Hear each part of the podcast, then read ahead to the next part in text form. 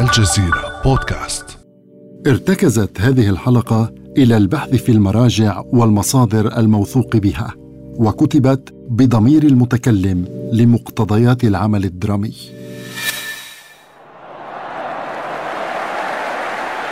امل أن لا ينتهي ابدا. هذا العشق الذي أشعر به تجاه كرة القدم الرياضة الأجمل في العالم. لا يشكن أحد بذلك.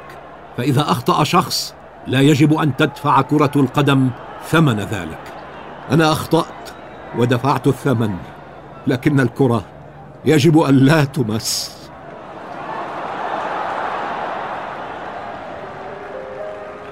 هذا ما قلته في العاشر من تشرين الثاني نوفمبر عام 2001 أمام خمسين ألف متفرج يتقدمهم النجم البرازيلي بيليه. والعديد من نجوم كرة القدم العالميين في نهاية مباراة لتكريمي أقيمت في العاصمة الأرجنتينية بوينس آيرس بين فريق الأرجنتين ومنتخب نجوم العالم.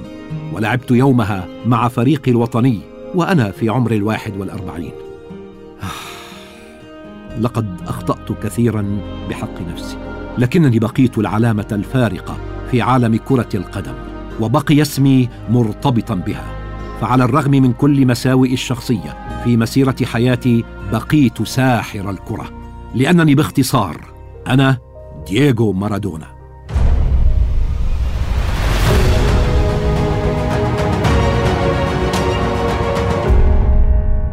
كونوا معي لتتعرفوا إلى أسرار حياتي. وكيف حققت حلم طفولتي؟ أنا المولود في أحد أفقر أحياء العاصمة الأرجنتينية وأصبحت ساحر كرة القدم وبطلها وكيف غرقت في وحول الخطيئة. استمعوا إلى حكايتي في بودكاست رموز من الجزيرة بودكاست. أقدمها إليكم أنا محمد ويحدثكم دييغو مارادونا بصوتي وترافقني في هذه الحلقة زينة. أهلا بكم أصدقائي. أنا سعيدة بمرافقة مارادونا في هذه الحلقة المثيرة وسأكون سعيدة أكثر عندما أكشف لكم خبايا تتعلق بحياته الكروية وحياته الخاصة ونسائه وأطفاله. أعدكم بأن تكون حلقة مشوقة جدا. هل يمكنكم أن تتصوروا طفلا يولد في بيئة مشردين ثم يصبح نجما عالميا؟ بالطبع لا. إلا إذا كان هذا الطفل هو أنا دييغو. صحيح أنني ولدت في منطقة للمشردين وفي أفقر حي من أحياء العاصمة الأرجنتينية حيث لا ماء ولا كهرباء ولا مجاري للصرف الصحي ولكنني استطعت أن أنجح. كانت ولادتي في الثلاثين من شهر تشرين الأول أكتوبر. عام 1960 في لانوس إحدى ضواحي بوينوس آيرس الفقيرة وكنت الابن الخامس بين أخواتي وإخواني الثمانية. عشنا في كوخ صغير وكان والدي يعمل طوال اليوم منذ الرابعة صباحا ويتحمل مشقة التعب لتأمين معيشتنا بينما كانت أمي تدللني كثيرا بين إخوتي فقد كنت صبيها الأول بعد أربع بنات. لم أكن أحب اللعب كأطفال الحي بل كنت ميالا دوما إلى اللعب بالكرة أجد فيها متنفسا لي. وعندما أسس والدي فريقا محليا لكرة القدم انضممت إليه كنجم وأنا في سن الثامنة. لكنني التحقت بعد سنتين بفريق لوس سيبوليتاس للشباب في أكبر ناد في الأرجنتين لكرة القدم أرجنتينوس جونيورز. وفي سن الحادية عشرة بدأت ألعب رسميا كرة القدم في الفريق ومن هناك بدأت رحلتي التي لا يشبهها شيء. أذكر أنني عندما دخلت الملعب في المباراة الرسمية الأولى لي بدأ والدي بالبكاء وبعدها بدأت حياتي تتغير بسبب كثرة الحوارات الصحافية معي لمعرفة سر براعتي في هذه اللعبة وأنا ما أزال صغيرا. كنت عندما أدخل الملعب أنسى حياتي وتذهب مشكلاتي بل كان كل شيء يذهب. لقد استطعت أن أقود الفريق منذ أن كنت في سن الحادية عشرة من عمري للفوز بمئة وأربعين مباراة على التوالي فلفت أنظار المسؤولين والمدربين في الأرجنتين وأصبحوا يكرسون أنفسهم وأوقاتهم لي بشكل دائم. وقبل بلوغ السادسة عشرة فرضت نفسي كلاعب محترف في فريق أرجنتينوس جونيورز وهذا ما دفع المسؤولين في المنتخب الوطني إلى استدعائي بعد أربعة شهور للانضمام إلى مباراة المنتخب ضد المجر في شباط فبراير عام 1977 ونحن على أبواب بدء مباريات كأس العالم لكرة القدم المقررة عام 1978 في الأرجنتين التي فازت بها حينها. آه، كان الكثيرون يطالبون بضمي إلى المنتخب الوطني في المونديال لكن مدربه سيزار مينوتي رفض الأمر واعتبرني صغيرا جدا وعديم الخبرة فتم استبعادي عن المشاركة مع المنتخب وكان ذلك اليوم الأتعس في حياتي وهذا ما جعلني أنزوي في غرفتي وأغرق في البكاء.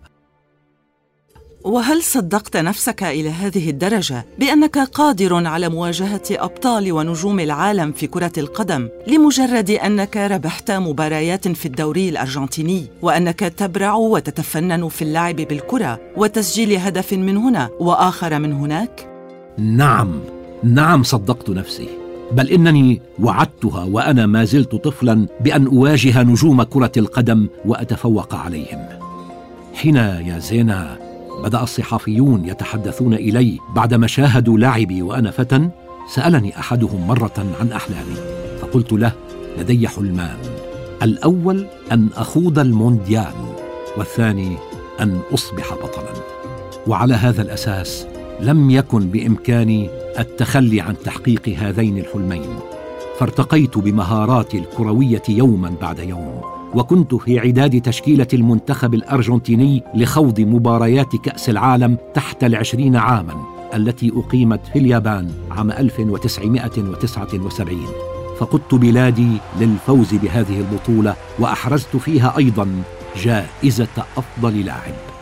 وفي العشرين من شباط فبراير عام 1981 انضممت إلى فريق بوكا جونيورز. المحبوب من جماهير الأحياء الشعبية والفقيرة فلعبت فيه بأسلوب قل نظيره. فكنت أراوغ في الكرة وأقفز بها وألهو كالأطفال أمام الخصم مهما كانت مكانته وأقوم بحركات غير متوقعة من دون أن أمل من المهاجمة لتسجيل الأهداف. فتميزت بأسلوب كروي نادر وحققت أول حلم لي بأن أصبحت بطل الأرجنتين. بعد أن نجحت في الفوز مع الفريق بلقب الدوري الأرجنتيني عام 1982 وفي العام عينه شاركت لأول مرة منتخب بلادي في بطولة كأس العالم لكرة القدم التي أقيمت حينها في إسبانيا واستطعت تسجيل هدفين. وبوصولنا إلى الدور الثاني في مباراتنا مع البرازيل تم طردي من الملعب بسبب مخالفة. وكان هذا سيئا لي. لكن ذلك لم يمنع تسليط الأضواء علي ولا سيما بعد أن وقعت عقدا للانتقال إلى فريق برشلونة الإسباني. وفي ذلك العام أيضا سجلت قيمة صفقة انتقالي إليه رقما قياسيا في حينها.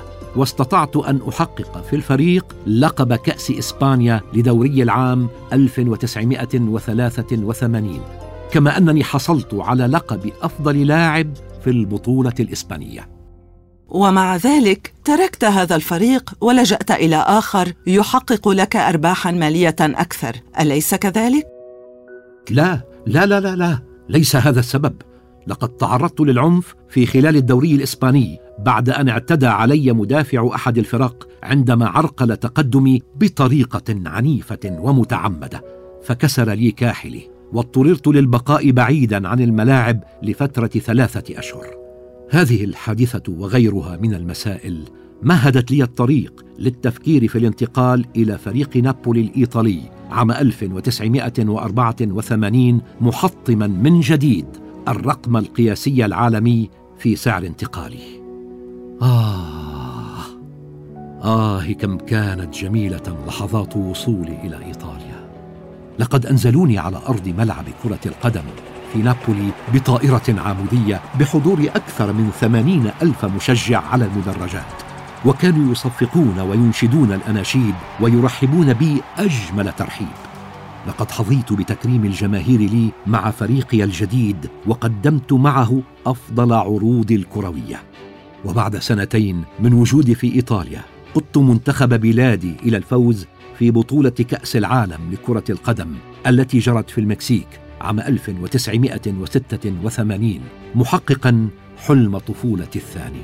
وكانت بطولة استثنائية حفرت مجرياتها في التاريخ. فقد قدر لمنتخب الأرجنتين فيها أن يواجه في جولة الربع النهائي منتخب إنجلترا. ولم يكن قد مضى على وقوع حرب الفوكلاند المعروفة والمتنازع عليها بين بلدينا سوى أربع سنوات. وكانت أيضا مواجهة سياسية مليئة بالتحدي وحصلت احتكاكات كثيرة بين اللاعبين. ماذا؟ هل تقاتلتم في الملعب؟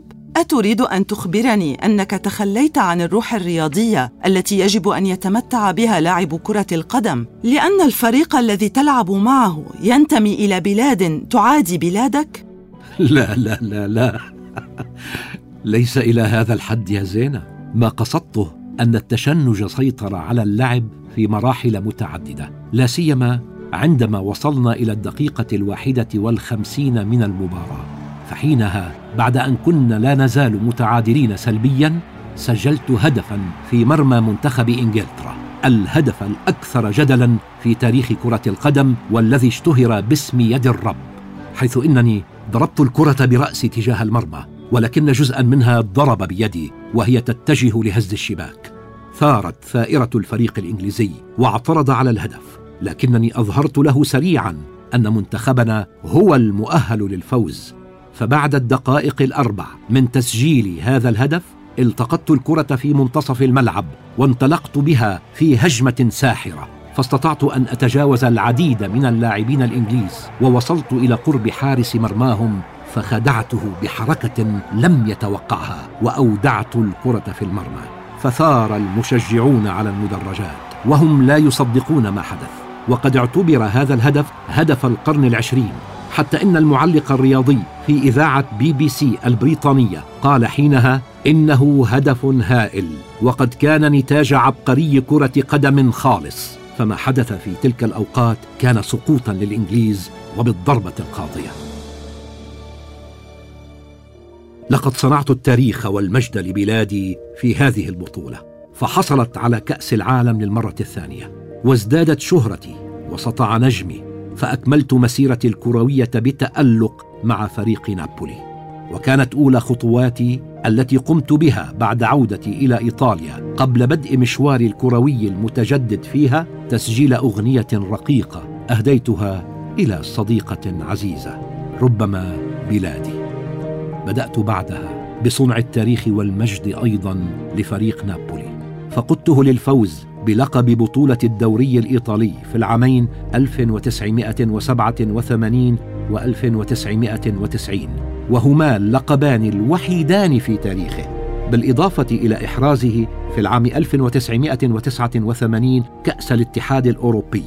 لكنني تركت هذا الفريق نهائيا في العام 1991 أنت تركت فريق نابولي يا مارادونا لأنك ارتكبت جريمة لا تغتفر بحق نفسك. فقد دمرت مجدك بيديك وحكمت على نفسك بالإعدام. ألم يتم إيقافك عن اللعب رسمياً عام 1991 لمدة 15 شهراً بعد أن أظهرت الاختبارات تعطيك للمنشطات في خلال مونديال العام 1990 الذي أقيم في إيطاليا؟ ألم تكن عندما تركت فريق نابولي قد غرقت في وحول الإدمان على المخدرات وقد نشأت بينك وبين عصابة المافيا الإيطالية كامورا علاقة بسبب ذلك؟ كان السبب الرئيس لمغادرة نابولي بطولة المونديال آنذاك. فقد خسر المنتخب الإيطالي فيها أمام منتخب الأرجنتين الذي كنت أقوده في مباراة التأهل إلى النهائي. وهذا ما قلب حب الإيطاليين لي إلى كرة. فهاجمتني الصحافة ببشاعة حتى إنهم لقبوني بالديكتاتور وبالشيطان. ولا أنكر أنه جرى التحقيق معي من قبل الشرطة الإيطالية في قضية حيازة واستعمال المخدرات. فغادرت إثر كل ذلك إيطاليا بهدوء وعدت إلى الأرجنتين. وهناك بعد فترة ألقي القبض علي في شقتي وبحوزة مخدرات أيضا. للأسف لقد حطمني إدماني على المخدرات. كانت البداية عام 1982 عندما كنت لاعبا في فريق برشلونة في إسبانيا. بدأت حينها أتعاطى الكوكايين ثم خرجت الأمور عن السيطرة مما سبب لي آلاما كثيرة. فالألم الذي ذقته عندما ذرفت الدموع في مونديال عام 1990 بعد خسارة منتخبي أمام ألمانيا في المباراة النهائية لم يوازي ذلك الألم الذي عايشته بعد إيقافي عن اللعب رسميا لشهور عدة نتيجة تعاطي المخدرات. لكنني صممت على عدم الانكسار فتابعت اللعب بعد انتهاء فترة إيقافي. والتحقت بفريق إشبيليا الإسباني فلعبت معه عام 1992 لموسم كروي واحد فقط. انضممت بعدها إلى فريق نيولز أولد بويز الأرجنتيني ولعبت معه خمس مباريات. لكن الخيبات كانت تلاحقني. ففي مونديال عام 1994 الذي جرى في الولايات المتحدة الأمريكية ودعت منتخب الأرجنتين والمونديال من الباب الضيق والمهين قبل انتهائه بسبب طردي نتيجة تعاطي المخدرات أيضا. قسم كبير من جماهيرك حينها تمنى اعتزالك اللعب في كرة القدم لأنك أهنتها وأهنتهم بسلوكك المشين. ربما ولكنني لم أيأس. فعدت إلى فريق الأرجنتيني القديم بوكا جونيورز عام 1995 وبقيت فيه حتى العام 1997 لكنني لكنني لم أستطع في خلال هذه المدة سوى تسجيل سبعة أهداف في 31 مباراة. لقد أصابني الإحباط والتعب النفسي والجسدي وما عدت ساحر الكرة بل ذلك المدمن على المخدرات. فأثرت حينها اعتزال لعب كرة القدم في ذلك العام وأنا في عمر السابعة والثلاثين. وعملت على التخلص من هذه الآفة. فسافرت إلى سويسرا وكندا وإسبانيا وكوريا الجنوبية للعلاج في مصحاتها. وتعرضت في العام 2000 إلى نوبة قلبية بعد تناول جرعة زائدة من المخدرات خضعت بعدها لعلاج طويل في كوبا. وتوالت نكساتي الصحية. لا سيما بعدما أدمنت شرب الكحول أيضا مما أدى إلى زيادة وزني وسبب لي ذلك أزمة قلبية شديدة. عام 2004 كدت أن أفقد حياتي بسببها.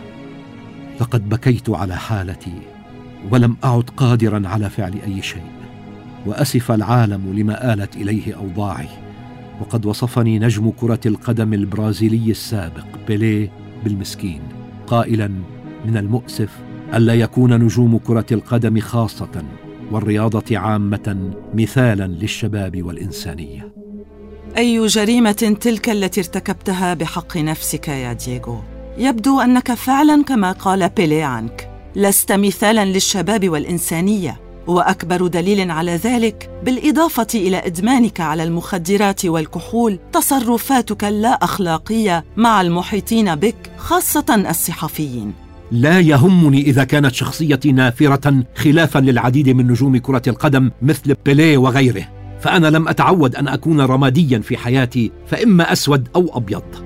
ولا أنكر أنني كنت في مواجهة دائمة مع الصحافيين والإعلاميين لأنهم كانوا على الدوام يتخطون حدودهم بملاحقتهم لي ومحاولاتهم الاستفزازية للحصول مني على تصريح من هنا يتعلق بطريقة لعبي أو خشونتي في الملاعب أحيانا أو بموضوع إدماني على المخدرات أو تصريح آخر من هناك له علاقة بارائي السياسية وغيرها.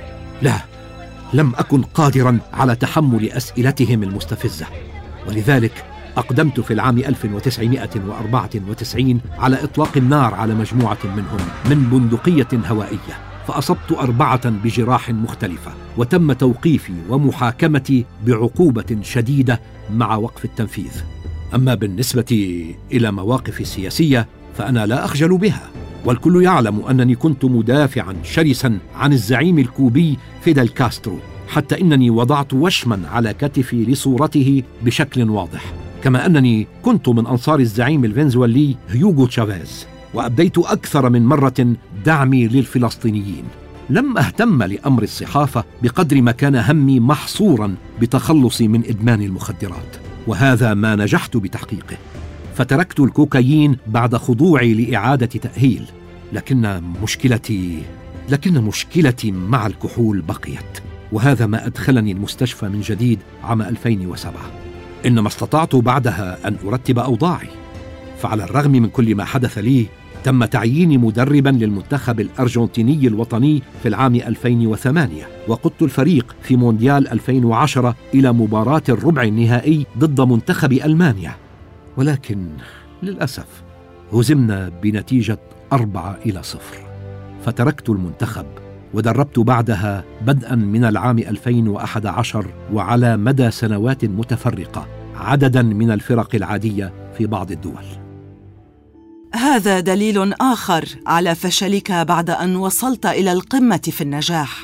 ويا ليتنا لم نتعرف إلى مساوئك الأخرى الأشد قساوة. ليتنا لم نعرف بعلاقاتك العاطفية المستفزة وكيف رفضت الاعتراف ببعض أبنائك بسبب هذه العلاقات. وليتنا لم نسمع باتهام البعض لك بأنك مغتصب ومعتد جنسيا على الأطفال. لا لا لا لا لا. هذه اتهامات ظالمة. أنا لا أعتدي على الأطفال. لعلهم وجهوا إلي هذه التهمة لأنني أقمت علاقة عاطفية بفتاة أرجنتينية تدعى كلوديا فيلافان وهي في سن الخامسة عشرة. كانت صديقتي الأولى لكننا تزوجنا عام 1984 ثم تطلقنا بعد عشرين سنة. و... ورزقت منها بابنتين وهي زوجتي الرسمية الوحيدة. نعم كانت لي علاقات بنساء أخريات ولي من بعضهن أبناء أيضا. و... وبدأت أكتشف ذلك مع مرور السنوات عندما أقمن دعوات قضائية ضدي للاعتراف بابوتي لأطفالهن. فعندما كنت في إيطاليا أقمت علاقة بالفنانة الإيطالية كريستيانا سيناغرا. ورزقت منها بصبي لكنني لم أعترف بأنه ابني إلا بعد 29 عاما. وفي العام 2008 وبعد 12 عاما من ولادتها عدت واعترفت بابنتي المولودة من حبيبة كنت قد تعرفت إليها في أحد النوادي الليلية في الأرجنتين. ثم في العام 2013 اعترفت بأبوتي لطفل مولود من حبيبة سابقة من الأرجنتين أيضا. لا أنكر بأنني بأنني اعترفت بالثلاثة بعد نزاعات قضائية طويلة وأصبحت أبا لخمسة أبناء. لكنني لكنني تفاجأت بوجود ثلاثة آخرين جدد ولدوا في كوبا التي قضيت فيها فترات طويلة ومتقطعة لعلاجي من تعاطي المخدرات. لقد أقيمت دعوى ضدي تتعلق بأبوتهم وقررت الا أطعن فيها. وأن أتحمل مسؤولية ما يجب تحمله تجاههم. وصرت أخاف أن يتم إثبات وجود أبناء آخرين لي غير الثمانية. حتى إن ابنتي جيانينا سخرت من الأمر وكتبت مرة على إنستغرام ثلاثة أبناء آخرون وسيكون لديك فريق من أحد عشر. هيا يمكنك أن تفعل ذلك. وهل تعتبر هذا الأمر مضحكا؟ لقد ارتكبت جرائم بهذا الخصوص وارتكبت جريمة أخرى تتعلق بإهدار مكاسبك المالية الضخمة من عالم كرة القدم على النساء والمخدرات وتكاليف معالجتك منها وعلى الدعاوى القضائية بحقك. ولم تكن تشبه نجوم كرة القدم العالميين الذين كسبوا ثروات هائلة. فكيف بددت ثروتك؟ أنا لم أفكر بتكديس الأموال فأنفقت بسخاء على نمط حياتي التي عشتها. وكنت كريما جدا وأعتقد أن الكثيرين استغلوا كرمي للحصول على أموال مني. وعلى الرغم من ذلك هل تظنين يا زينة أن المبالغ المالية الضخمة التي كنت أحصل عليها من خلال ترويج الدعائي لعلامات تجارية عالمية متعددة ومبلغ العشرين مليون دولار الذي كنت أقبضه سنويا كوني الرئيس الفخري لنادي دينامو بريست؟ لكرة القدم في بيلاروسيا وما كنت أناله من أموال كثيرة للإشراف على تدريب عدد من الأندية. هل تظنين أن ذلك كله قد تبخر؟ لا. صحيح أن رصيدي في المصرف لا يتجاوز المئة ألف دولار أمريكي لكنني أمتلك أراضي وعقارات كثيرة في العاصمة الأرجنتينية وست سيارات فاخرة. ومدارس كرة قدم في الصين ولدي استثمارات في كوبا وإيطاليا. بالإضافة إلى حقوق تتعلق بصور شخصية ستبقى قائمة حتى بعد وفاتي. وهذا كله يقدر ب مليون دولار أمريكي.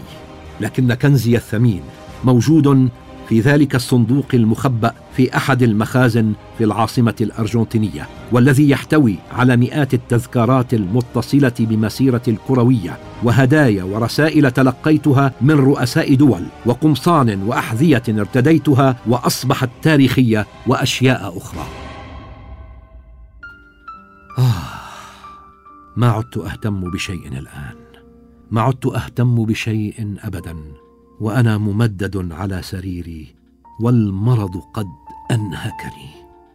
لم تمض أيام معدودة على عيد ميلادي الستين حتى أدخلت المستشفى وخضعت لعملية جراحية في الدماغ. ولكنني الآن بعد أيام من خروجي منها أوه أوه أوه يبدو يبدو أنها أنها أزمة قلبية حاده وهكذا رحل الفتى الذهبي في الخامس والعشرين من تشرين الثاني نوفمبر عام 2020 تاركا اثرا لا يمحى في تاريخ كرة القدم. وعلى الرغم من حياته الصاخبة وخطاياه الشخصية إلا أنه كان محط أنظار وتقدير العالم. ولعل شهادة الدكتوراه الفخرية التي منحته إياها جامعة أكسفورد في بريطانيا قبل سنوات واحدة من الأمور التي تشير إلى هذا التقدير.